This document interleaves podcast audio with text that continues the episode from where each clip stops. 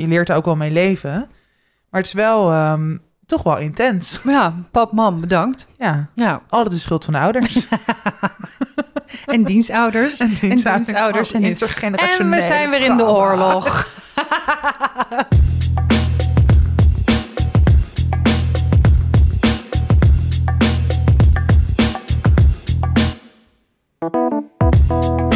Mensen, welkom bij de podcast Tussen 30 en Doodgaan. Mijn naam is Malou Holshuis en samen met Tatjana Almouli is dit aflevering 8 alweer van Tussen 30 en Doodgaan. Vanuit onze thuisbaas. ja, ik zie opeens. Ah, zo grappig. Cute. We zitten van, van eh, nee, oh, dit gaat echt niet goed. Het gaat wel goed. Je kan dit. Mag Zit- ik eerst even zeggen in wat voor staat ik hier ben voordat we zeggen waar we, Waar we, zitten? zitten, we zitten in Fosbury Sons. En wel, wat voor staat zit jij hier? Ik heb net 48 uur echt liggen kotsend in mijn bed.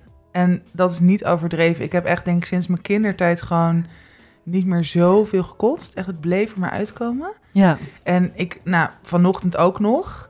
Maar ja, we moeten leveren. we Dus moeten daarom leveren. zit ik hier, maar ik ben heel bang. En zit jij hier ook een uur. beetje omdat je eh, jezelf aan het bewijzen bent... oké, ik kan dit omdat morgen het boekenbal is... en jij jezelf beter wil wanen? Of Dat heeft er zeker ook mee te maken. Oh, arme schat. Nee, maar ook gewoon, we moeten gewoon deze podcast maken. Mensen verwachten dat van ons. Ja, dat is waar. Zit op ons te wachten. Is er een teken dat, dat ik even op pauze moet... en dat jij dat prullenbakje naast je eventjes eh, omarmt? Ik vind het echt heel zielig voor je. zou- Maar ik vind het zo goed dat je er bent.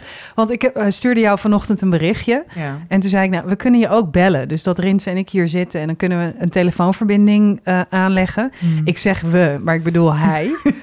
en dan, eh, en jij zo, nee, nee, nee, nee, nee. Ik, ik, ik ga er gewoon zijn. Ja, nou. Dus het is echt super goed dat je er bent. En we zitten dus inderdaad in onze eigen Fosbury studio. eh, aan de Kerkstraat, hè, is het? Er komt af en toe een verdwaalde toerist langs. En we zitten tegenover een heel leuk ja, soort natuurwijnwinkeltje. Ja. Daar moet jij natuurlijk niet aan Nu denken. Nee, misschien moeten we even van plek gaan Gordijnen ruilen. dicht. Nee. Maar goed, vertel even eh, ja, in wat voor staat tref ik je nu?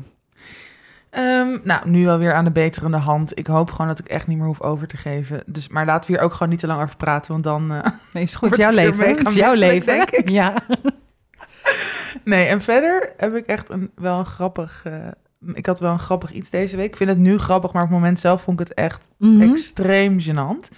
Ik was ehm, uitgenodigd voor de première van Raymonda. Een balletvoorstelling in eh, de Stopera in Amsterdam. Ja.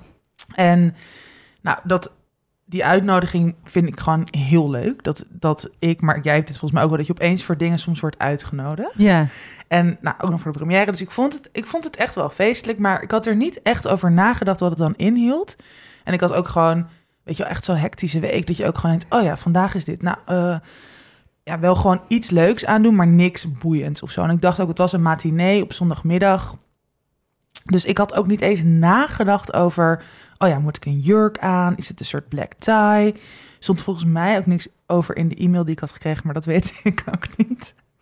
Anyway, ik ging er met een vriendin naartoe. Nou, die, ja, nou, nogmaals, we zagen er heus wel prima uit, maar we gingen daarvoor ook brunchen. We hadden toen ook een mimosa gedronken. Ze waren ook een beetje zo, en zo gehaast in een Uber gekomen. Dus een beetje zweet op de bovenlip, rode wangen.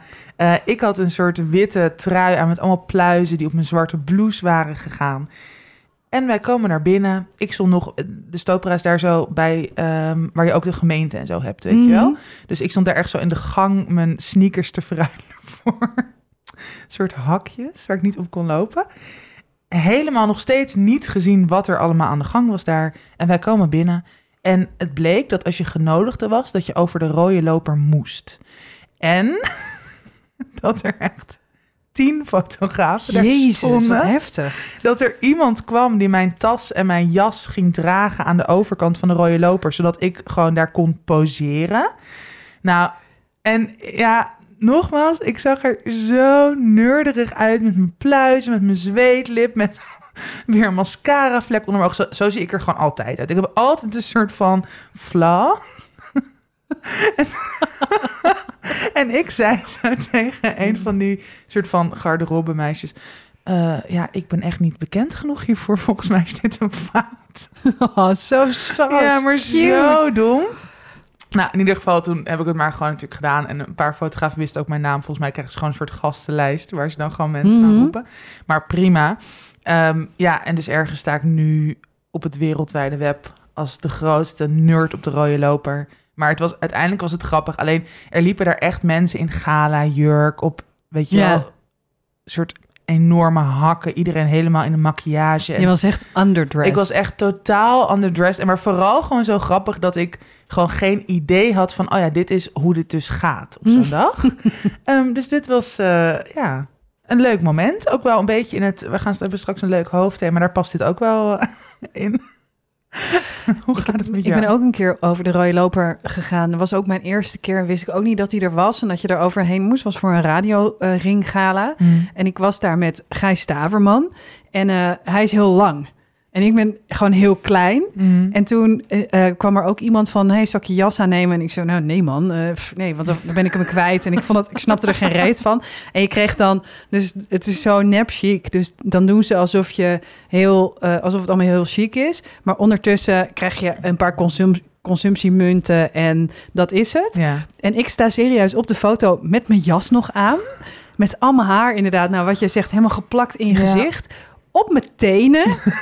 omdat die gozer zo lang is. En met in mijn hand zo'n open tas waar je allemaal shit in ziet. En mijn, consum mijn consumptiemuntjes. Het is echt niet te doen. Nou, ik had dit precies ook. Ik had echt zo, dat meisje vroeg ook, ja, zou ik ook je programmaboekje meenemen? Zeg ik, nee, dat vind ik wel lekker op de foto. Dus ik heb dat boekje ook echt soort zo vast. Van, Yo, ga naar deze voorstelling toe.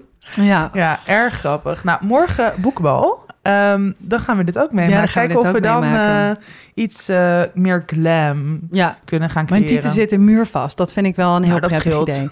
Ja, Niks ik had ehm, deze week iets heel, eh, ja, best wel apart eigenlijk. Oh, Wat gebeurt er? Siri, stop. ik heb de Siri op mijn laptop. En echt alleen maar als ik het heb over andere mensen, dan, gaat hij aan. Maar dit gebeurt ook echt de hele tijd op kantoor bij jou. Ja, I know, sorry. echt freaky. Ik zei sorry, niet Siri. Maar ehm, ik had vroeger wel eens bij nieuws lezen. Als ik dan iets over Syrië Ah, dat een. Siri. Wat kan ik voor je doen? Tijdens mijn nieuwsbulletin. Dat was heel erg altijd. Maar goed, en lachen. Ehm, Oké, nou, ik eh, ging even een paar dagen naar eh, het huis van mijn vriendje in Hilversum. Eh, want hij heeft een bad. En ehm, toen ging Alleen ik daarheen. daarom? Ja, en wat dus heel lief is, is Rinse woont ongeveer 10 minuutjes van het station wandelen. Maar hij komt mij altijd halen. Oh. Dus vaak ook, ook nog eens met de auto. Want ja, vet lui. lazy motherfucker. Ja, lazy. En, eh, maar soms ook lopen en dan loopt hij gewoon gezellig met me mee. Dus hij staat daar altijd zo een beetje cute te lachen en, eh, eh, naar kinderen te fluiten. Nee, grapje, dat niet. Geintje. En dus nu ook stond hij er weer. nu stond hij er weer. We moeten niet heel erg lachen, want er komt een heel erg verhaal. Hoe Rinse gebashed wordt in onze podcast is echt mijn lievelings. Volg hem, het Rinsen Blanksma. Slide Ja, ze. DM als compensatie Als voor deze bitchvriendin. ja. Gewoon zo gevloekt al? Oké, ik ben nu weer... eh, Ja, je bent er wel weer hoor. Oké, dus eh, nou, eh, hij was dit keer met de auto en ehm, we rijden weg. En op een gegeven moment komen we zo in een bocht. En er komt een mevrouw aanlopen met haar ja, fiets in de hand, zo'n beetje scheef. Mm. En die loopt echt midden op de weg. Dus gelukkig ging Rinse heel zacht rijden, echt stapvoet. En ze loopt langs onze auto. En op een gegeven moment ook zo bam, tegen de auto. Dus ja, en ze had een hele wazige blik. Maar ik ben dan eigenlijk direct heel geïrriteerd. Ik Ja. meteen, wat doet die idioot? Wat een, wat, wat een kutwijf, weet je wel, zo. En eh Rinse, die doet het raampje open en die zegt nog... mevrouw, mevrouw, is alles oké met u? En die zeggen tegen mij, denk je dat we even moeten stoppen? En ik zeg, nee man, rijd door. Maar ik schrikte, ik ben natuurlijk heel bang in de auto. En dit is echt Ja, mijn grootste ja, ja, ja. nachtmerrie, botsingen en zo. Dus ik was best wel een beetje van slag. En, Oh, ehm, er stopt een heel groepje meisjes voor het raam te kijken. Ja. Hallo. En daar nog iemand. Ah, hallo, hallo. leuk. Dus, oké, dus eh, we zitten in die auto en Rinse vroeg, eh, eh, moeten, moeten we even stoppen? Nee man, rijd door. Mm. En wij kijken naar die vrouw en die valt gewoon neer. Midden op straat, op de grond. Dus die valt head first met haar gezicht ja, op de tegels en die ligt Wow. stil. Dus die beweegt niet meer. En die fiets viel ook op haar. Dus Oh. Het was heel raar. En ehm, ik zei eerst tegen Rinse... Ik bel 1 en 2. Ik bel 1 en 2. En toen zei ik... Nee, jij moet bellen. Want ik dacht, ik moet naar haar toe. Ja. En dat was heel raar. Want op dat moment wisten we eigenlijk nog niet... Ik wist niet, ja, is zij nu dood? Is zij Ja. nu... Je, ziet, je, je rent gewoon naar iemand die opeens is neergevallen. Dus ik dacht, oké. Dus ik, ik hurk naast haar en ik zeg... Mevrouw, mevrouw, u bent gevallen. Weet u uw naam? ja. En ik zag dus gelukkig dat ze eh, ademde en dat ze eh, bewoog. En er kwam wel al een beetje bloed zo eronder vandaan. Wow. En zij, ja, zij tilt haar hoofd op. En zij zegt iets. En best wel veel, een beetje bloed uit haar mond. En ik zet zo mijn muts af en die leg ik zo op de grond. En zij laat zo weer bam, de hoofd zo vallen. Oh. Gelukkig mijn muts, maar helemaal vies met bloed. En ja, volgens mij had ze ook een soort overgegeven of zo. Om daar maar weer...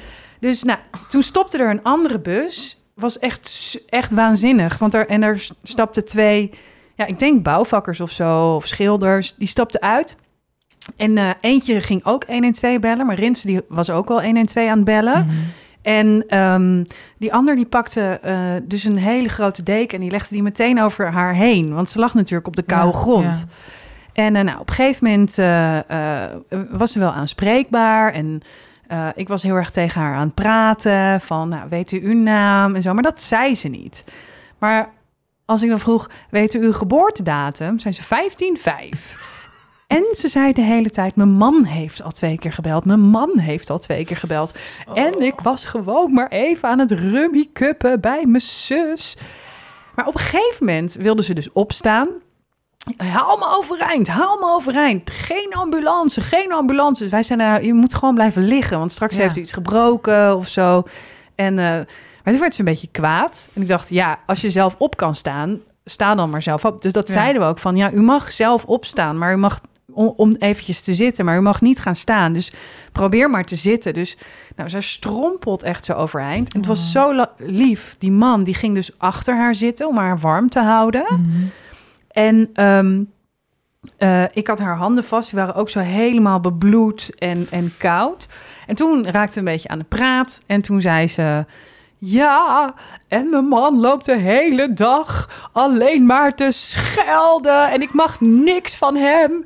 Denk je dat ik de verkeerde man getrouwd ben? En ik was alleen maar aan het rummikuppen bij mijn zus. En, en hij denkt vast dat ik dronken ben. Hoe laat is het? Hoe laat is het? En op een gegeven moment kwamen we een beetje tot het besef van... Volgens mij is er niks aan de hand met deze mevrouw, Nee. maar is ze gewoon star Ja, na ja, ja, ja, goal.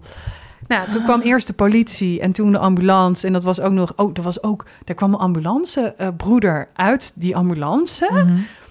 Zo lekker. Was niet normaal. Dus er staat ook nog een soort van...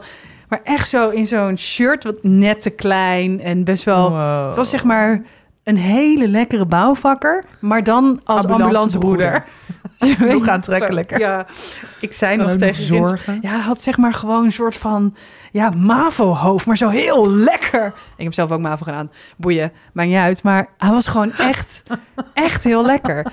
Dus dat, was, dat werd ook nog zo, ja, ik weet niet. Want ik zei tegen Rins, die gast was echt heel lekker. Hij zei, ja, was echt niet normaal. Dus was een soort voorspel voor jullie. Nee, ja, dat was heel raar. En toen moest ik nog die vrouw die am- de ambulance inlokken, want dat deed ze niet. Zeg ik, nou kom maar, kom maar. Als een soort, ja, kom maar. En toen stapte ik eruit en toen zei de politie, wij kennen deze mevrouw, jullie kunnen gaan. Oh mijn god. Nou, en dat was mijn verhaal met de, ja, met de mevrouw. Lovely. Die dus eigenlijk Wat een belevenis weer. heel erg dronken was. Ehm, dus ja, zo was mijn week een beetje. Ja, en morgen is boekenbal. Daar ga je volgende week van alles van horen. Dat is een beetje de cliffhanger, denk ik. Ja. Toch? En nu Ja. stoppen we meteen. Dag. En nu stoppen we meteen, dat is hem. Tatjana is er klaar mee. Eh, nee, even dit. Your attention, please. This is an important announcement. Het is wel leuk hè, van manager Meerte dat ze dit doet. Heel leuk. Wat een vrouw is het toch? We gaan het even hebben over Mohi. Ja, Mohi. De app Mohi. Jij hebt hem, de app Mohi. Jij ook? Ik Wij zitten er allebei op. Wij zijn curators. Ja. Ehm, ja, nou ja, Mohi draait dus eigenlijk om het uitwisselen van je favoriete content. Dus tips, boeken, eh, films, podcast, artikelen, muziek en meer. Alles. Alles. Wat je kan bedenken eigenlijk. Ja, en je kan elkaar volgen. En je kan dus... Ja, het is echt... Wij houden natuurlijk heel erg van tippen en ook van tips krijgen. Eh, wij zitten er altijd best wel een tijdje op. Ja, We zetten er dingen op. Ik haal er ook echt heel veel tips vandaan. Want je kan... ehm, nou ja, mensen schrijven dus een soort van persoonlijke review over... ehm, content eigenlijk. ja. Over iets wat ze willen tippen. En ehm, dan kan je dat dus liken, maar ook saven. Dus dat is heel chill, want je kan een soort van ja, persoonlijk lijstje bijhouden van... oh ja, dit wil ik nog zien, dit wil ik nog zien op een later moment. Ehm, dus ik kijk er eigenlijk, eigenlijk wel dagelijks op. Gewoon even... eh, nou, net zoals ik bijvoorbeeld in de tram hier naartoe, dat is dan een topmoment dat je gewoon even dingen aan het liken en saven bent voor later. Als ik vanavond misschien een leuke film wil zien. Ehm, en het is vooral heel leuk omdat het gewoon, eh, iedereen kan erop. Mhm. Het is een Gratis. app. Het is gratis apps, dat is echt top. Maar je hebt dus ook allerhande curators. En dat gaat echt van journalisten naar muzikanten, naar CEO's, naar mode. Nou, echt alles wat je je kan bedenken eigenlijk. Mhm. Ehm, heb jij een favoriete curator? Nou, ik, ik kijk vaak op Mohi als ik dus... Kijk, normaal... eh, ik, ik kan verdwijnen in van die MTV-series of zo. ja. En dan denk je in één keer... Oh, ik ehm, ja, ben drie uur verder. Dat was drie uur van mijn leven. Eh, maar ik ben dan wel al zo leeg in mijn hoofd... dat ik niet meer kan bedenken... wat, wat wil ik dan wel kijken... wat Ja. me ook iets meer Iets geeft. ja, de- inspireert. Dus, ja, iets- Ja. dat. En dan kijk ik vaak eventjes op Mohi. En eh, mensen... eh, Yuki Ko vind ik heel leuk om te Heel volgen. leuk, Ja. Eh, Philip Huff volg ik. Ik volg jou, want jij bent ook wel vrij eh, eh, actief. ja. Ehm, en dan eh, ja, scroll je er even doorheen. En dan vaak ga ik iets luisteren of eh, iets kijken. Dan een film of een documentaire. En jij? Ja, ik, ehm, ik volg heel veel verschillende mensen. Ik vind bijvoorbeeld M.E. Kiene van de Volkskrant geeft goede tips. Alice Beijers van L. Maar eh, nou ja, gewoon echt heel veel verschillende mensen erop. Ook mensen die wij kennen, maar ook mensen die je niet kent... uit een heel ander soort vakgebied of industrie. Dus dat vind Mhm. ik heel erg interessant. En ik vind er dus ook heel vaak podcastafleveringen op... waarvan ik denk, oh ja, dit is misschien een thema... wat ik niet direct bijvoorbeeld rondom tech of zo, of, of big data, dat ik niet zou denken, oh, dat ga ik meteen zelf opzoeken. Maar als iemand daar dus een hele persoonlijke en soort interessante review bij heeft geschreven, dan ga ik dat dus wel meteen luisteren. Dus dat is ook heel erg leuk om een beetje uit je eigen bubbel te stappen. Ehm, dus daar vind ik mooi ook echt top. We, we gaan onze tips eh, ook op ons Mohi-account zetten. Ja. En ehm, de link, de unieke link naar eh, de app, die komt in onze show notes. Ja. Dus dat is wel, wel fijn dus om zo te weten. vind je mooi. Ja, en ga het echt vooral downloaden, want het is dus gratis. Dus waarom zou je het niet doen? En iedereen vindt het volgens mij echt leuk om ehm, big character energy te geven door zijn eigen tips eh, de wereld in te gooien. En dus geïnspireerd te raken. Dus doe dat vooral.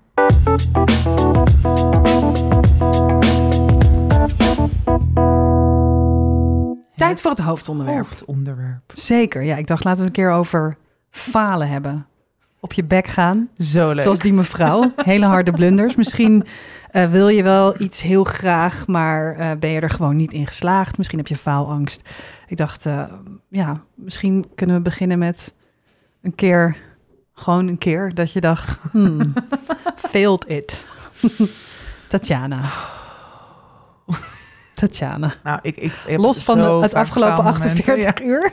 Ja, failing at life. Ja. Nou, ik heb, ik heb wel echt heel vaak het gevoel van... Maar ook, ik ben dus echt heel onhandig. Mhm. En ehm, dus soort van... Ja, niet op een charmante manier. Nee, echt niet op een... Nee, maar echt niet van... Ah, schattig, quirky. oh, ik ben zo naïef. Nee, Ja. echt gewoon dingen kapot maken.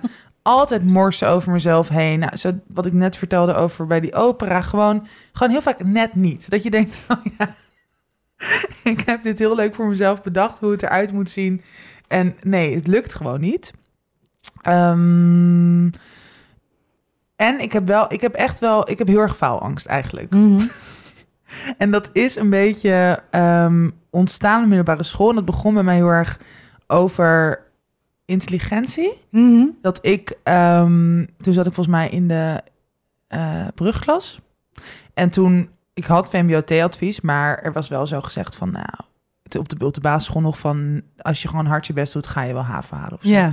En toen had ik echt zo, zo'n mentor, die ook sowieso, hij was echt een creep. Hij was echt helemaal gek. Hij poetste zijn tanden nooit, alleen met... Gadver. met eh, met houtskool. Gadver. En hij ging altijd op eh vuilnisbel te kijken naar gewoon ja, wat daar dan lag. En dan haalde hij dan ook wel, weet ik veel, cd's vandaan en dingen die hij dan in de klas ging uitdelen. Maar het was echt een freak.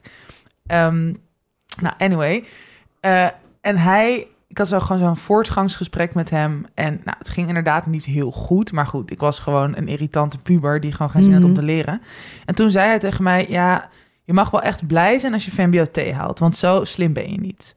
En ja, en dat was gewoon, ik had echt al een fucking laag zelfbeeld. En allemaal gezeik natuurlijk thuis. En toen was dat gewoon hetgene wat ik op dat moment te horen kreeg als, weet je wel, Mhm. onzekere en labiele puber. En dat heb ik gewoon een soort geïmplementeerd. Van nee, ik ben niet slim. Of ik, ik haal het niet. Ik kan het niet of zo. En nou, toen heb ik echt best wel heftige faalangst ontwikkeld. Dat ik ehm, ja, gewoon altijd als ik iets publiekelijks moest zeggen of moest doen... Weet je, echt zo het klassieke beeld. Rood worden, stotteren, zweten.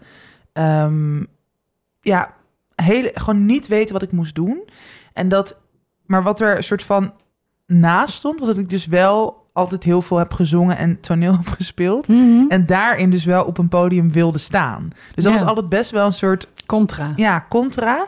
Ehm, en uiteindelijk heeft dat me denk ik ook wel geholpen om er een soort van semi overheen te komen. Want ja, ik spreek nu best wel vaak in het openbaar en dat gaat meestal goed. Mhm. Wat er wel aan vooraf gaat, is dus wel echt nachtmerries. En alsnog, nou, bijvoorbeeld niet deze dagen hiervoor had niet met openbaar spreken te maken, maar wel zo fucking misselijk. Soms echt wel overgeven en gewoon van tevoren van waarom doe ik dit en wie zit er op mij te wachten. En ik ben de grootste faler van de wereld en iedereen vindt me kut. Ja, Dat imposter syndrome. Echt imposter syndrome, maar dan, nou, heel veel mensen hebben dat natuurlijk. Ja, Niet, maar nou, maar, dat, maar goed, dat, dat heb ik zeker. Maar Ehm, mensen verwachten het nooit bij andere mensen. Nee, Dat is er juist zo goed aan. Ik denk dat het heel goed is dat jij dit zegt, omdat je bent een publiek figuur en je spreekt inderdaad vrij makkelijk en ook nog eens heel persoonlijk. ja, Vaak. Dus mensen denken, oh, dat gaat haar makkelijker af. Ja. Maar het is echt, nee, voor mij ook al, een heel prettig idee dat jij ook bijna in zakjes loopt te, te, puffen en te puffen en steunen. En ademen. denk, wat doe ik mezelf aan? Waarom, Ja, waarom ben ik geen boekhouder? ja. Oh, heerlijk. Of notaris of zo. Ja. Wel veel geld verdienen, maar niks doen. Sorry. Mhm. Ehm, nee, maar dat, dat is wel, dat is, dat, dat heb ik gewoon nog steeds. En Ja. dus wel echt in mindere mate. En ik denk ook om, dat herken je misschien ook wel, dat eh, op een gegeven moment heb ik wel echt een soort afstand gedaan van het, want ik, ja, ik ben uiteindelijk naar de universiteit gegaan. Dus, Mhm. en nogmaals, niet dat, omdat we dat onderscheid vind ik ook even belangrijk om te maken. Niet dat VMBOT slecht is of universiteit beter, dat helemaal niet. Nee. Maar het was bij mij wel heel erg duidelijk, ik was gewoon te laag ingeschaald. En ja. eh, echt al vanaf jongs af aan. Dus dat is gewoon wel vervelend. Mhm. Omdat het dus echt wel veel voor mijn zelf, of ja, voor mijn slechte zelfbeeld eh, heeft. Nou, hoe zeg je dat? ja, dat heeft het niet Heeft, versterkt nee, heeft inderdaad. niet versterkt. Het heeft gewoon heel veel impact gehad. Ehm, maar ik, ik merk dus wel hoe, hoe meer je het gewoon gaat doen wat je eng vindt. En het valt dus vaak wel mee. En ik bedoel alsnog, weet je, ik ben dus wel heel vaak. Als ik dan op een podium ging staan, echt gestruikeld. Of Mhm. dat ik soort van, echt nog een paar maanden geleden had ik gewoon een witte blouse aan. Liet ik daar mijn halve glas water overheen vallen. Zag je gewoon mijn halve tiet daar. Terwijl ik gewoon voor echt honderden mensen op het podium stond over rouw te praten. Nou, dat soort dingen gebeuren de hele tijd. Dus daar voel ik me echt oh, dus wel een faler in. Mhm. Maar aan de andere kant, ik krijg eigenlijk altijd positieve reacties. Ik voel me daarna ook altijd goed. En die positieve ervaringen geven natuurlijk wel heel veel vertrouwen om gewoon te denken, ja, fuck it, dit is het leven. En het is, weet je, het is dan niet perfect of dingen gaan niet perfect, maar ehm, ik ben ook geen een, weet je wel, niet een totale vader of zo. Nee, en ook dit is werk. En heb jij wel eens faalgevoelens eh buiten werk, om dus in je relatie of eh, in, in die setting? Ehm, nou, wel minder. Ik kan wel, maar dat is gewoon een beetje dat klassieke idee van die alle ballen hoog houden. Nou, dat, dat, daar voel ik me wel vaak in tekort schieten of zo. Mhm. Dat ik gewoon dan weer bij, weet je wel, in een vriendschap denk van... oh ja, shit, ik heb nu gewoon een paar weken eigenlijk veel te weinig laten horen... veel te weinig interesse in iemand getoond. En dan vind ik mezelf wel even een slechte vriendin. En dat kan ik ook in mijn relatie hebben. Dat ik denk, oh ja, ik ben nu wel heel erg veel met mezelf bezig. Heb ik wel genoeg, eh, ja, te geven of soort van genoeg interesse in dan Tobias. Maar ik heb dat, dat is niet zo'n soort diep gegrond. Ja. Dus ik, ik ben over mijn sociale relaties eigenlijk best wel zelfverzekerd of zo. Daar, Ja. Daar, ja. En jij? Nou, ehm, ik heb eigenlijk altijd het idee gehad dat ik eh, had gefaald. Omdat eh, ik ging ook naar de MAVO, VMBO. En ik ging ook met HAVO, eh, ruim HAVO-advies, ging ik daar naartoe. En ja, mijn middelbare schooltijd is eigenlijk heel erg verstoord ehm, door het ongeluk op weg naar school. Er zijn heel veel Ja. kinderen toen ook eh, blijven zitten in de klas en, ehm, en zo. En er zat bij mij echt wel meer in. Maar ik had eigenlijk, eh, ja, ik heb gewoon al heel snel besloten dat een grote bek hebben en me overal tegen afzetten en mijn best niet doen, niet naar school gaan, dat dat toch wel meer mijn ding was. en, ehm, maar eigenlijk is dat achteraf gezien echt mijn redding geweest. Dus ik ben helemaal niet gefaald, maar het heeft mij wel dat gevoel wat jij zegt, dat je, dat je nu ergens bent en dat je eigenlijk dat je je nog steeds soort. Dat is natuurlijk zo kut op zo'n school waar eh, eh, eh, VMBO is, maar ook HAVO en ook VWO. VWO. Ja. Je voelt je toch altijd eh, nou ja, een beetje de onderklasse. Ja. En ehm, eh, dat heb ik wel altijd met me meegedragen. Terwijl, als ik er nu op terugkijk met de kennis van nu, kan ik eh, eigenlijk zeggen dat ik daarna gered ben op het MBO. Ik deed een hele een, een soort van kunstachtige MBO. Een Mhm. Sociaal-cultureel werk was dat. En kunst, cultuur en amusement. Oh, alleen leuk. maar dingen zelf maken. Ja. En dat is zo ontzettend goed voor mij geweest. Mhm. Ehm, ik eh, had daar een docent. En eigenlijk eh, is altijd mijn droom geweest eh, om muzikant te zijn. Hmm. Ehm, maar er is één probleem. En dat is wel echt een 100% eh faal. Ik kan het niet. Ik ben niet muzikaal. Dus ik kan niet zingen. En ik kan niet... Ik kan niet drom, Wat en voor dat- muzikant wilde je zijn? ik wilde, het, ik wilde alles zijn. Dus ik ging daar eh, eh, via school gingen we op uh, djembe-les en pianoles. Oh, en leuk. ik zat in een koor en met zingen en zo. Maar ik was gewoon echt heel slecht erin. echt heel slecht. En op een gegeven moment zeiden ze ook van... oh ja, Malou, maar beeldende kunst, vind je dat dan niet leuk? En ik zo, nee, nee, nee, nee, nee, ik vind echt muziek eh, heel Oh. leuk. Maar dat kwam omdat eh, we kregen les van Freddy Cavalli. En Freddy Cavalli, eh, hij heet gewoon meneer Van Kampen... maar ik ben, Freddy Cavalli, wie heeft er wat te roken? Dat, zo begonnen de lessen altijd. En hij was de bassist van eh, The Wild Romance van Oh. Herman Brood. We hebben heel veel samen gespeeld ook en zo. En eh Freddy vond gewoon alles te gek. Dus te gek! Dus echt te gek. en eh, dus ook, dan ging ik zingen. En dan zei hij, nou, dit was 100% vals. Dat is super knap.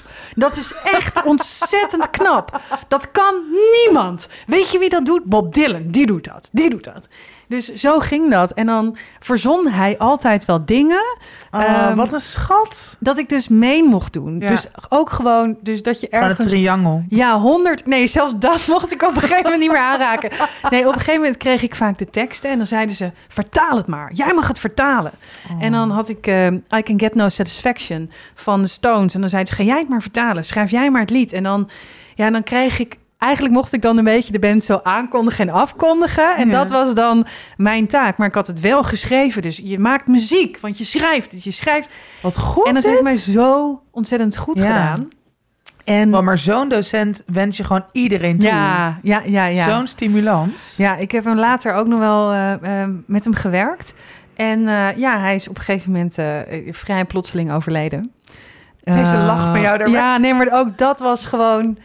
Dat, hoorde ook wel bij bijna, hem. ja. En ehm, het was eh, echt een hele bijzondere man. En ehm, ja, ik heb... ehm, eh, eh, ik denk dat ik wel gefaald heb in sommige dingen die je dan... waarvan je echt nu weet dat had ik anders moeten doen. Weet je, ik, ik heb bijvoorbeeld in één keer in een relatie. Siri, nee. Jezus. Siri, die ging niet over jou. In een relatie wel echt. Ik heb een relatie gehad die ik nooit echt wilde. En daarin ben ik, heb ik gewoon wel gefaald in eerlijk zijn tegen mezelf en ook Ja, naar die ander, ja. weet je wel. En dat, dat vind ik echt wel dingen. ehm, daar leer je echt van. Ik denk dat je alleen maar dat je als je terugkijkt op je leven en je kijkt terug op waar heb ik gefaald, dan ben je er waarschijnlijk beter eh, uitgekomen Mm. uiteindelijk. Zo van dit gebeurt niet meer. Of, of heel fijn en heel simpel. Oh, zo voelt dat dus. Ja. En vaak heeft het te maken met angsten. En eh, ook heel vaak als je je grootste angst, al- als dat je overkomt, eh, eh, is ook heel vaak de conclusie: oh, zo erg is dat dus eigenlijk helemaal niet. En het Nee. leven gaat gewoon door. Ja. Ja, Ehm, of het is wel heel erg, maar uiteindelijk, in de meeste gevallen, lukt het wel om je leven soort van weer door te pakken. Dus je komt er hoe dan ook wel overheen Ja. of zo. En het is ook wel heel vaak de buitenwereld die je dat gevoel geeft. Mhm. Ik weet dus nog dat, om nog heel even terug te komen op dat werk, op een gegeven moment, eh, eh, ik ben gefaald in al mijn studies. En ik ben ook gestopt met al mijn studies. Eh, en ook op het laatste moment. Zo, oké, oh, je wil dus dat ik nog een keer scri- mijn scriptie maak? Nee, ik heb daar geen tijd voor. Ik stop. En dan, oké, dan heb je dus 18.000 euro meer studieschuld, want het was een prestatiebeurs. Nee, nee, nee, ik stop. Want ik had alweer een baan bij de radio. Ja, daar heb ik wel echt in gefaald. Ik bedoel, als ik toen nog Wow. heel even door had gezet. Maar komt er dan 18.000 Ja. euro bij? Ja, was je prestatiebeurs was dat bij mij. Jezus. Ja, ehm, maar, ik, maar ik had al werk. En dus, dus daarom ging ik, eh, ging ik werken en ging door. En dacht, fuck die scriptie. Wat is dan ook zo'n scriptie? En dan, dan heb je je hbo. Mm. Eh, boeien, ik kan toch naar de universiteit als ik wil. Want ik heb wel al mijn P's en ik heb een kunstacademie gedaan. Tief maar allemaal op. En toen eh, werkte ik op een gegeven moment bij Radio 1... Wat dus voor hele slimme mensen is, altijd in mijn hoofd. Maar Oh, ik ja. werkte daar en ik was daar regisseur en, en redacteur van een echt een van de best beluisterde Ja. programma's. En ook als enige en zo. En er was een presentator waar ik best wel heel goed mee was. En die ha- had mij ook hoog zitten. Mm. En ehm, nou, toen hadden we één keer eh, hebben we best wel veel gedronken. En eh nou, hadden we hele persoonlijke gesprekken. En toen had ik hem eigenlijk dit ook in vertrouwen verteld. Van ja, ik ben eigenlijk ook maar gewoon een meisje van de MAVO. Ja. En, eh, want dat zo voelt dat. Weet Ja, je, ik gaf een beetje mijn, mijn, ik legde een beetje mijn hart op tafel. En hij is mij sindsdien anders gaan behandelen. En dat heb ik zo gevoeld. En ik wist precies, het is vanaf dat moment. Wat erg. En, en hij zei ook van, oh, maar ik dacht echt dat jij universiteit had gedaan. Maar hoezo heb jij deze baan dan? Weet je wel zo? Maar En- wat belachelijk dat mensen hier dus nog gewoon Ja, alles aan vasthangen. ja en ik, ik weet gewoon, ik weet gewoon zeker dat het vanaf toen eh, ging, ja, het klikte niet meer. Er was elke keer gezeik over draaiboeken en zo, en heel raar. En eh, ja, ik heb dat echt. Toen dacht ik wel, oh, ik hoor hier dus ook inderdaad niet. Mm. Dat vond ik heel. Dat vond ik dat dat, deed echt heel, heel veel pijn Ja. En daarna ben ik die programma's gaan presenteren als presentator. Dus nu denk ik ook nog eens af en toe van. Oké, ja, maar ja, wat jij dus ook zegt, dat imposter syndroom van. Maar wanneer, wanneer gebeurt het Ja, nou echt? ja, dat ja. mensen denken, nou Wat stelt zij voor? Of wat, ja, er zit er niet genoeg achter of zo. ja, Niet genoeg in. precies. Ja, maar heb jij dat nu nog steeds soms? Bijvoorbeeld bij nieuwe opdrachtgevers en zo? Nou, we hebben het, we hebben het over dat boekenbal morgen. Ja. Ja, ik heb gewoon het idee dat iedereen maar denkt... oh, daar heb je haar. Zij denkt ook dat ze schrijver is. Ja, ze zal wel zijn uitgenodigd, want ze ziet er leuk uit. Maar verder, ja, dat, dat heb ik nog steeds. Ja. Terwijl, ja, ik, mijn roman zit in, gaat naar de zesde druk. Ja, ja en weet je bent je? met je tweede bezig. Ja. Ehm, maar dat is er gewoon nog. En dat wordt dus heel erg... Je, je onthoudt alleen maar die bevestigingen van zo'n collega-presentator... die dan Ja, mij niet de goed genoeg... negatieve. De negatieve. ja. Dat blijft ontzettend aan je plakken. Maar ja, dat je een heel succesvol boek hebt geschreven... dat mensen het prachtig vinden, dat het wordt verfilmd... dat het wordt... Nu denk ik alweer, nou, niet zo opscheppen, maar het is ook weer zoiets. Maar heb jij dat zo nu nog? vervelend. Want jij hebt, jij, hebt, jij hebt echt een waanzinnig boek geschreven. Nee, ja, ik heb dit zeker nog. En dat... ehm, ja, ik heb het wel... Maar dat... We hebben het hier natuurlijk ook de eerste aflevering over gehad. Toen zat ik even heel erg in mijn soort angst om, weet je wel, niet literair genoeg te zijn of zo. Ik, ik, Mhm. ik zit nu daar, dat, ook, dat is echt een beetje gezakt. Dat ik ook nu echt denk, I don't give a fuck. Ehm, het gaat me inderdaad om de reacties van mensen die ik dagelijks krijg. En dat ik gewoon er zelf blij mee ben. Maar dat, dat wisselt heel erg. Dus dat, ik herken het zeker. Maar ik heb het, ik heb het bijvoorbeeld heel erg... Daar schaam ik me wel echt een beetje voor. Maar ik ga het wel zeggen. Ehm, nee, gewoon met nieuwe opdrachtgevers. En dan vooral dus wel echt rondom schrijven. Dat ik dus... Ehm, dan heb ik, nou, ik had laatst dan voor een nieuwe opdrachtgever een eerste column geschreven. En dan is hij eigenlijk al een dag af. En dan ga ik hem echt zo tien keer teruglezen. En ook zo Mhm. dan zo die hardop le- voorleesfunctie van Word. En dan, nou, eh heel het onzeker, onzeker, onzeker. Terwijl ik ergens wel voel, nee, het is gewoon goed of prima. Maar ik kan daar niet op vertrouwen nog. En dan durf ik dus pas dat bestandje op te sturen, s'avonds, als ik denk, oh ja, maar nu is diegene niet meer aan het werk. Zodat ik gewoon niet, Oh, schat. maar toch belachelijk. Ja, dat, is heel ik bedoel, Ik kan dat is echt heel raar. Ja, dat is heel bent raar. echt heel raar, vader. Nee, ja. Nee, maar dat ik, ja, ik trek dat Mensen, gewoon ja, want niet. mensen vragen je om je kwaliteit. Ja, en Je ook, levert maar het. en ik vind het dus heel stom, want dit gaat, wat je net ook al zei, dit gaat echt over nog te veel druk leggen op externe reacties. Want Ja. ergens voel ik dus wel, ik, ik mag een soort van vertrouwen hebben. Ik, ik ben er ook wel blij mee. Ik, ik was, nou, ik, ik krijg dan ook eigenlijk 9 van de 10 keer ook positieve feedback. Mhm. Ook heel, bijvoorbeeld nu, ik hoef er niks aan te veranderen. Dus waarom ben ik dan mezelf soort van zo gek nog aan het maken? Alleen maar, en wat als ze zeggen van, oké, nee, je moet nog iets veranderen of dit is nog niet goed genoeg. Dan ben je ook toch niet meteen een soort, dan ben je niet meteen een faler. Nee, helemaal niet. Maar je kan dan ook een toch? sle- slechte dag Ja. hebben. Of gewoon een slechte schrijver zijn, maar alsnog Ja, wel een oké mens. Ja. Nee, maar dat is, ik vind dat wel, maar dat, dat ligt dus wel echt, die oorsprong van die faalangst ligt gewoon in je fucking jeugd. En dat is Mhm. wel natuurlijk wat in heel veel dingen terugkomt. Dat blijf je gewoon wel achtervolgen. Ja. En dat, ja, misschien is dat ook niet heel erg. Je leert er ook wel mee leven. Maar het is wel ehm, toch wel intens. Ja, pap, mam, bedankt. Ja, Ja. altijd de schuld van de ouders. En dienstouders. en dienstouders en- En intergenerationeel. we zijn weer in de oorlog. Nou, heb jij niet... ehm, eh, eh, ik heb een klein groepje eh, vriendinnen, ook journalisten. Eh, eh, en die bestaat uit Hasna El Maroudi en Hasna El Maroudi en Hasna El Maroudi. Eh, en die, die stuur ik... Ik stuur sowieso, laat ik Rinse heel vaak eigenlijk alles wel eerst lezen. Mhm. En die zegt eigenlijk altijd dat het goed is. Eh, en ik vertrouw hem ook dat hij zegt dat, het, dat er iets anders kan. Maar die weet ook wel dat hij mij op dat moment met satijnen handschoentjes moet aanpakken, denk ik.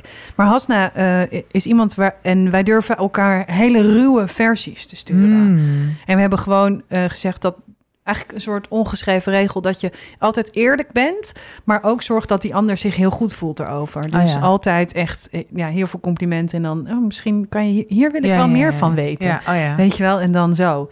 Eh, maar ook gewoon, soms zeggen we ook tegen elkaar: ik moet even horen dat dit goed is. Ja, En dan lees je ja, het ze- ja, ja. Het, is, het is inderdaad heel goed. Oh. En ik weet gewoon 100% dat het zegt omdat ik het vraag dat ze dat zegt. Maar ja, het is toch fijn om te horen. Ja, en vooral van inderdaad eigenlijk gewoon een collega. Ja. Dat je gewoon weet, je zit in dezelfde... Dit is wel een goeie. Dit moet misschien ook met iemand gaan... eh. Ja. Maar dat zou ik dus op dit moment echt al nog niet durven dan. Vraag eerst aan Rinse. maar Rinse is geen... Nee, maar je kan toch aan Rinse vragen? Rins kijkt nu heel boos. Geef me niet nog meer werk, bitch. Geef me niet nog meer werk, bitch, voor niks. Jullie buiten me uit. Love you, Rins. Oké. Oké, ehm, oh, nog, nee, nog even één laatste ding Ja. over hierover. Eh, ik heb het dus wel, ik, heb, ik voel me ook echt heel vaak een vader als het gaat over dus dingen van opeens kopen al mijn vrienden een koophuis en ik niet. Oh ja, ja. Dat is toch echt vreselijk. Maar Ja. wat, ja, daar kan je al helemaal een soort van niks tegen Nee, doen. ik faal in het leven. Ik faal in mijn financiën. Ik faal in wonen. Ik faal eigenlijk in, in alles behalve de, De liefde. liefde. en werk. Ehm, Maar dat is wel het Ja. belangrijkste. precies. Oké, Mooi, leuk. misschien moet ik wel kotsen nu. Hey hoi, hier Meerte met weer een nieuwe Fuck, Mary Kill. Deze keer gaat het om Herman Brusselmans, Marieke Lucas Rijneveld en Bas Smit. Nou, toi toi toi hè. Nou, toi, toi, toi, hè? Dankjewel, manager Meerte. Dankjewel, manager Meerte. Oké, ga jij maar eerst. Ja. Eh, ik zou eh, trouwen met Herman Brusselmans. Wat de fuck? ik wist dat je dit ging zeggen. Ja, Weer kot. ja ik weet niet. Ik vind hem... eh, ik, heb wel een hele grote zwak voor Dan hem. gaat hij alleen maar schrijven over je kut. Ja, I don't care. Ik heb een hele mooie kut. Ja, schrijf maar over mijn kut. Ja, I- gewoon lekker zo'n man die, die, die in een hoek sigaretje zit te roken. Ehm, ja, ik denk dus dat, dat hij eh, eh, heel... eh, dat, dat hij je echt aanbidt als vrouw. En dan ook je kut. Maar goed, dat, dat krijg je er dan bij. En ehm, ja, nee, ik zie het eigenlijk wel zitten. ik Nou, lijkt me wel gezellig Morgen met Herman, met Herman de Brusselmans. wingman bij Ja, jou. precies. Met Herman Brusselmans te trouwen. Ja, kan ik een keer zijn haar invlechten. Ja, ik weet het niet. Ik denk ook helemaal niet dat hij zo vies is. Nee. En ook, ja, weet je, ik bedoel, hij rookt twee pakken per dag. Hoe lang zal die man nog leven? Dat vind ik een goed punt. Ja, kom op zeg. En hij is heel rijk, dus ik ga gewoon ook 100% voor de erfenis en het partnerpensioen en de Lekker. ik veel wat. Nee, maar het lijkt me echt oprecht een goed huwelijk, Herman en ik. Ehm, ik zou, eh, ja, eh, obviously naar bed gaan met eh Marieke Lucas Rijnveld. Lijkt me een ontzettend leuk experiment. En dan komt er daarna misschien een mooi gedicht over of zo. Ik denk het wel. Ook weer over mijn kut, maar dan noemt, noemt, noemt Marieke Lucas Rijneveld het eh, mijn bloem. Of eh, weet ik van, die zal er iets heel poëtisch van maken. Een lief klein lammetje. Ja, en Bas Smit, eh, ja, nou ja, misschien morgen op boekenbal. gooi ik hem van de, ja, van een trap of we doen iets tussen drankje of zo, weet ik veel. Nee, ja, vind ik een superleuk gast. Hij heeft dus heel veel humor en zelfspot. Het is niet Ja. mijn humor, maar wel zijn zelfspot, die ik dan wel weer grappig vind. Maar goed, ik moet iemand kiezen. En eh, ja, de, ik kies voor eh, Bas Smit om hem dan eh, te killen. Oké, interessant. Ja, zeker.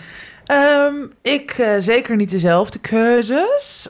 Ik zou gaan trouwen met Marieke Lucas Rijneveld. Uiteraard. Uiteraard. Lekker literair gezin. Ja, nee, ik vind ehm, hem... Volgens mij nu Volgens mij hem. hem, ja. Ik vind hem mega groot talent. Echt lees, lees zijn boeken heel graag. En ik vind hem ook gewoon charmant. Goede stijl hebben. Volgens mij is, is, is hij ook heel goed om een soort... Volgens mij is hij heel gedisciplineerd qua schrijven. Mhm. En dat kan ik wel gebruiken. Is het niet gezellig thuis? Nou, maar nou, ja, ik weet het niet. Het lijkt mij een heel mooi huwelijk. Heel, heel Ja. vredelievend. Misschien is- geeft me ook wat rust. Oké. En eh, ja, ik zie dat helemaal voor me. Herman en ik komen af en toe op bezoek.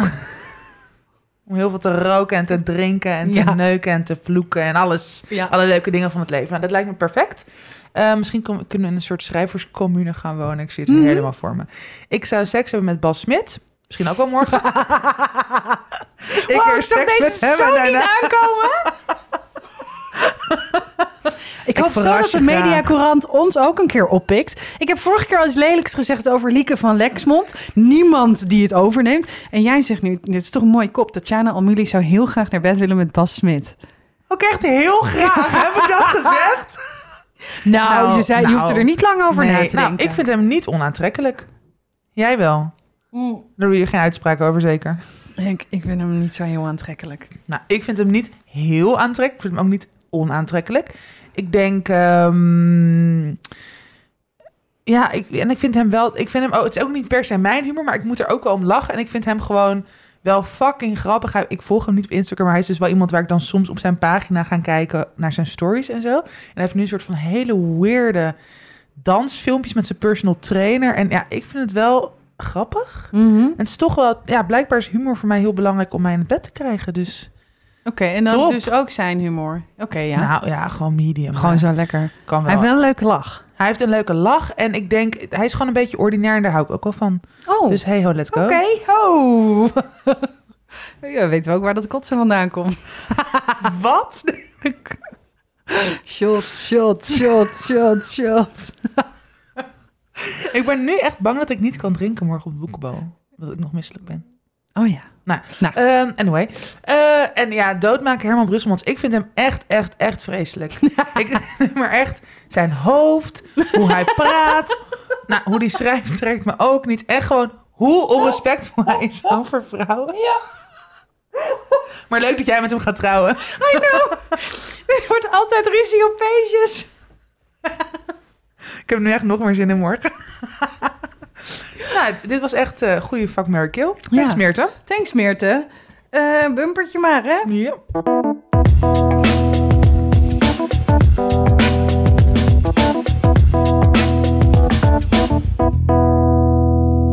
Tijd voor tips. Tijd voor tips. Eh, terug te vinden op Mohi binnenkort. Ja. Laten we het nog maar een keer zeggen. Helemaal goed. Kijk. Ehm, ik tip de documentaire van Tim den Beste. Mhm. van de andere kant. Waarin hij eigenlijk onderzoekt of seksuele voorkeur beïnvloedbaar is. Eh, hij stelt zichzelf volgens mij al zijn hele leven de vraag of hij als homo geboren is of dat het later ja, door allerlei invloeden zo is gekomen. Ehm, ja, het is heel interessant. Ik, ik, ik werd er heel boos van van deze documentaire, want hij gaat met allemaal mensen in gesprek, onder andere in een soort, ja, bij een soort congres in volgens mij Hongarije, waar dus allemaal een soort ex-queers zijn. Ja, Ehm, die dus zeggen dat je eigenlijk van queer zijn af kunt komen. En dat het dus echt alleen maar beïnvloed wordt door de LHBTI-lobby. Nou, daar word ik echt al alsof het een soort shell ziedend is. ja. van. Precies, alsof door reclames of op social media... dat dat dan mensen beïnvloedt om queer te worden. En kijk, ik snap voor sommige mensen die natuurlijk bijvoorbeeld in Hongarije of Polen of Rusland wonen... waar natuurlijk ehm, ja, waar je gewoon niet in vrijheid kunt leven als queer persoon, dat je heel graag, of dat je het heel erg moeilijk vindt om jezelf te kunnen zijn. En Mhm. dat je ook misschien dus verlangt naar, tussen aanhalingstekens, normaal zijn, erbij horen, een gezin krijgen, hoeksteen van de samenleving, bla bla bla. Dus ik bedoel, ik kan het me voorstellen, maar hoe die mensen een soort van, die daar zo'n congres leiden, ehm, ja, zogenaamd ex-queers indoctrineren met dat Mhm. idee dat je er dus van af. Nou, daar, ik werd er echt ziedend van. En ik vind het gewoon heel knap hoe Tim heel erg dicht bij zichzelf blijft.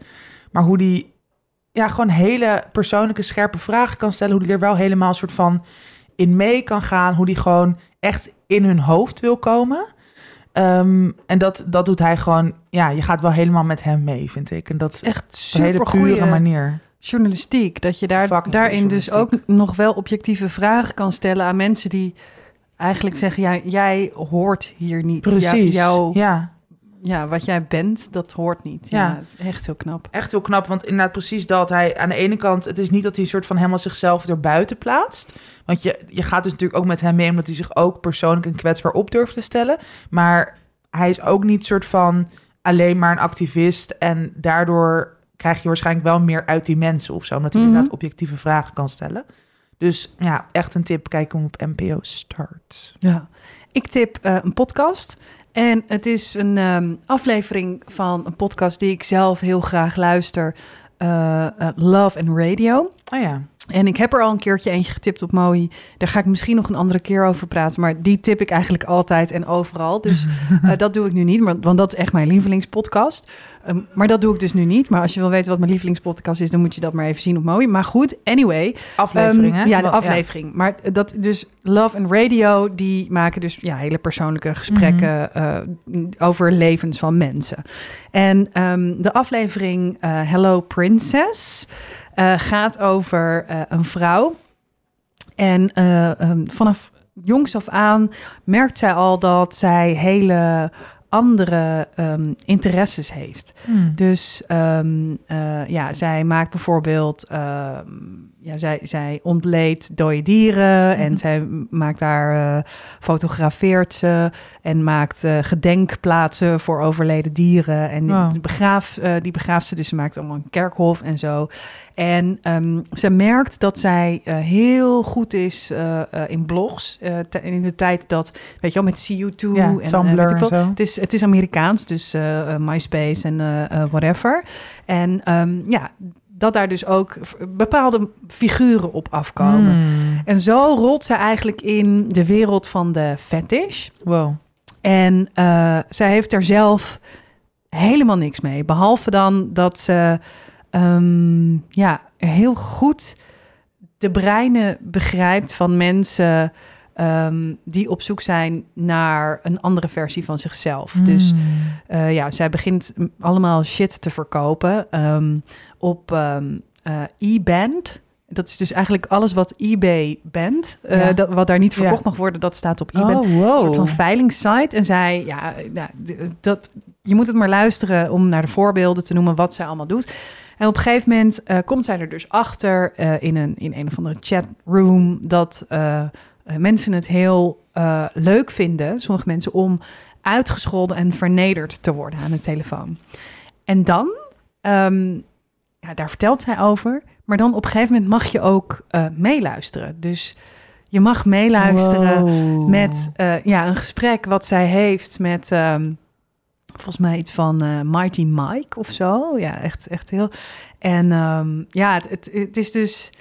Het is een fetish. Het is, het is iets seksueels, maar niet voor haar. Dus wel voor de andere kant. En het is, ja, het is echt heel fascinerend hoe zij kan schakelen tussen eh, dat en ook weer gewoon dat het heel zakelijk voor haar is. Oh ja. En zij heeft echt een ontzettend mooie stem. Mm. Dus het luistert ook nog eens eh, eh, heel goed. En het, nou ja, de, de aflevering. Het is het, het Wow, echt ik ga luisteren. Ik heb het dus, ik heb het dus zo geluisterd en ik was, ik was in de stad en ik had het op mijn oortjes. En ik dacht gewoon, als jullie nu, en ik keek zo om me heen en ik dacht, als jullie nu horen waar ik Naar nu luister. naar luister, dan verklaren jullie mij echt zo voor gek. En eh, ja, dat eh, vond ik wel leuk. dus dat. Luisteraarsberichten. We Luisteraarsbericht. hebben er twee. Ja, leuk. Zal ik de eerste doen? Zeker. Ehm, die is van Ines. Mhm. En ehm, we kregen eerst een hele lofzang over onze boeken... die ik niet helemaal ga voorlezen. Maar dankjewel Ines. Heel, lief. fijn, Ines. Heel fijn. Ehm, voor onze broze schrijvershartjes om te Mhm, horen. mhm. Oké, nu naar de vraag. Door dyslexie en faalervaringen rondom lezen ben ik overgestapt op luisteren. Wat ik ergens ook jammer vind. Hoe kijken jullie daarnaar? Ik zou mezelf weer kunnen trainen met lezen. Ze zeggen wel eens dat je het kan oefenen. Ik heb geprobeerd met tijdschriften en makkelijk lezende boeken, grote letterboeken, etc. Alleen al omdat ik het mezelf opleg, krijg ik weerstand. Zien jullie lezen als meerwaarde dan luisteren? Ehm, ja, dus eigenlijk. Ja, dit gaat eigenlijk volgens mij weer heel erg over de soort van mening van anderen of het oordelen Ja. van anderen, toch? Ja, ik denk dat het namelijk er niet zo toe doet wat wij ervan vinden. Nee. Voor, helemaal voor haar. Want ik, eigenlijk ben ik dus heel blij om te horen dat er eh, voor mensen met dyslexie zo'n goed alternatief Ja. is. Waardoor je dus de verhalen die wij schrijvers Ja. opschrijven, dat je die meekrijgt. ja, dat je die gewoon tot je kan nemen. Ja, Ja. ik zou lekker blijven luisteren. Ja. Waarom- Ja, ik denk dat je gewoon heel erg jezelf moet afvragen... waarom zou je willen lezen? Want het zegt wel wat ik ergens ook jammer vind. Mhm. Waarom vind je het jammer? Is het inderdaad puur dat je denkt... oh, maar mensen vinden boeken lezen... dat je dan intellectueler bent? Of weet je wel, dat het dan, weet ik veel, anders tot je komt? Mhm. Of is het omdat je ook echt zelf het mist om soms... I don't know, helemaal in een papieren boek te zitten... en daar dingen te kunnen... Weet je, dat heb ik heel erg. Dat je dingen onderstreept en ezelsoren. En dat, ik, ja, dat vind ik gewoon een heel fijn gevoel. Dat geeft voor mij ook een deel van de experience van lezen mee. Maar weet je, als het echt puur is omdat je denkt... oh, maar mensen vinden hier misschien iets van... dan zou ik echt proberen daar scheid Fuck aan te hebben. ja. Fuck them. En het gaat inderdaad om de verhalen. En super fijn dat er nu gewoon apps zijn... die we niet allemaal gaan noemen... want ze sponsoren ons nog niet. Nog Mhm, niet. mhm. Maar weet je wel, waar je luisterboeken... en net zo goed als podcast tot je kan nemen. En dat is toch inderdaad fantastisch. Ja, en ik denk ook dat eh, mocht je die ervaring, wa- wat jij zegt, weet je, al di- dingetjes onderstrepen of whatever, ehm, eh, zou je er ook voor kunnen kiezen om het eh, samen te doen. Dat je meeleest met eh, het, het luisterboek in je Ja. oor. Weet je, wat gewoon voor jou prettig is. En misschien als je het, zelf- als je het heel graag wil trainen, eh, echt heel veel eh, succes en echt supergoed dat je het probeert. Maar voel je niet een faler Nee, als je het niet doet en als je denkt, hé, hey, ik heb daar gewoon helemaal geen zin in en ik ga gewoon lekker ontspannen, ik ga een stuk wandelen en een boek luisteren. heerlijk. Ja, Good for you. oh my god. Oké, Brit. Brit had vorige week twee vragen ingestuurd en eh, we hadden er nog eentje eh, laten liggen. Eh, Brit heeft eh, twee vragen. De eerste hebben we dus vorige week behandeld. Ja, zal ik het anders nog een keer voorlezen? Lekker bezig, Malou. Goed, vraag 2. Hoe dealen jullie met het boeken schrijven in je dertigers, 30s? Hoe zeg je dit? Zegt ze. Ik ben ook al jaren bezig met schrijven, maar zie dit altijd als een privé hobby en durf er niet echt werk van te maken, omdat ik mezelf te oud vind om nog schrijver te worden. Thanks society. Socia Wow. society. Society. Nee, maar merk je niks van de Malou Mavo heeft gedaan.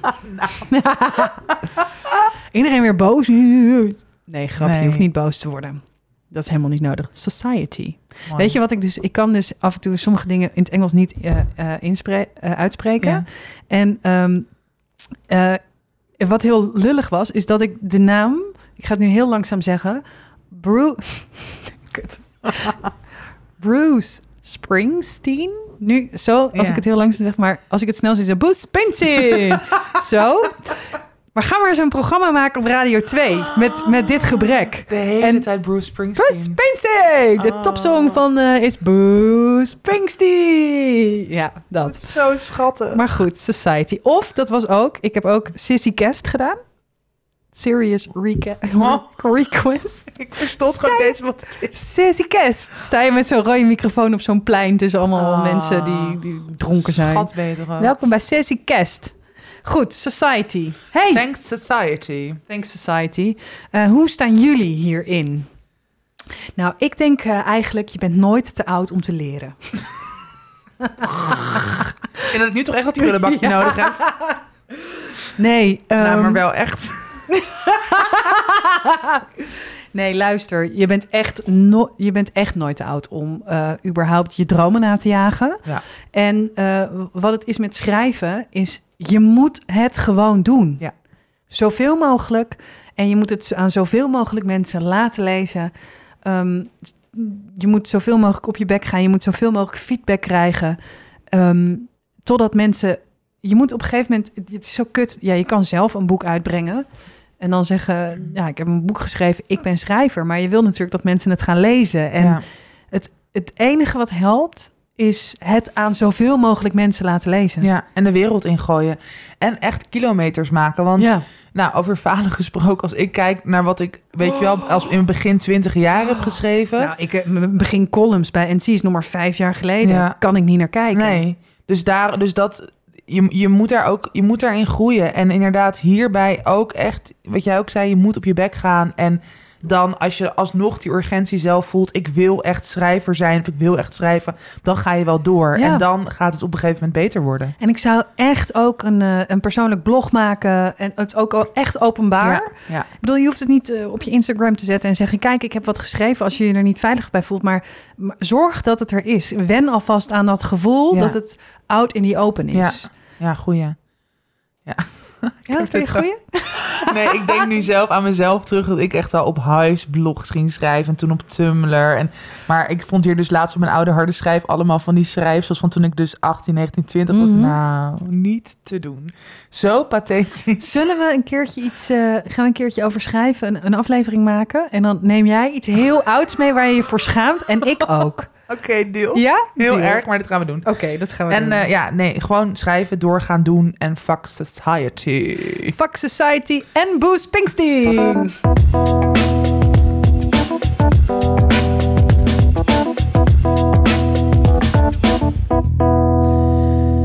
Dit was alweer de achtste aflevering van Tussen 30 en Doodgaan. Ehm, ik heb het overleefd. Ja, wat Jij goed. ook, heel Ja. fijn.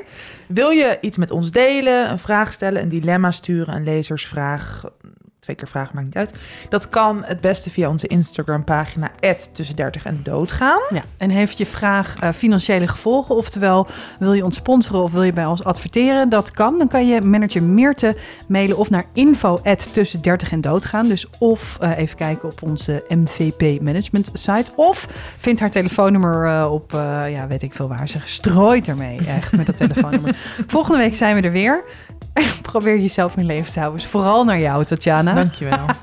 En maak er iets leuks van. Ja, en vergeet ons niet eh, te volgen op Instagram. Dus Ja, dat zegt Rinsen de hele tijd over, hè? ja, Rinse die is ons echt aan het... ehm, Mensen moeten ons reviewen op eh, Apple en Spotify. Dat is heel belangrijk. uitmoereren. Ja, precies. Ja, die denkt ook, ik wil ook wel een keertje geld, Geld, geld, geld, verdienen. geld, geld. Ja. Eh, en dit mogen we weer niet van onze manager meer te Nee, dat mogen we niet zeggen. Maar goed, Rinsen begint echt mager te worden. Ja, het begint het is echt, echt heel een zielig, beetje... ingevallen wangetjes. Oh. Dus review op Apple Podcast, volg ons op The Gram, en tussen 30 en doodgaan en like ons overal. Tot volgende week! Later!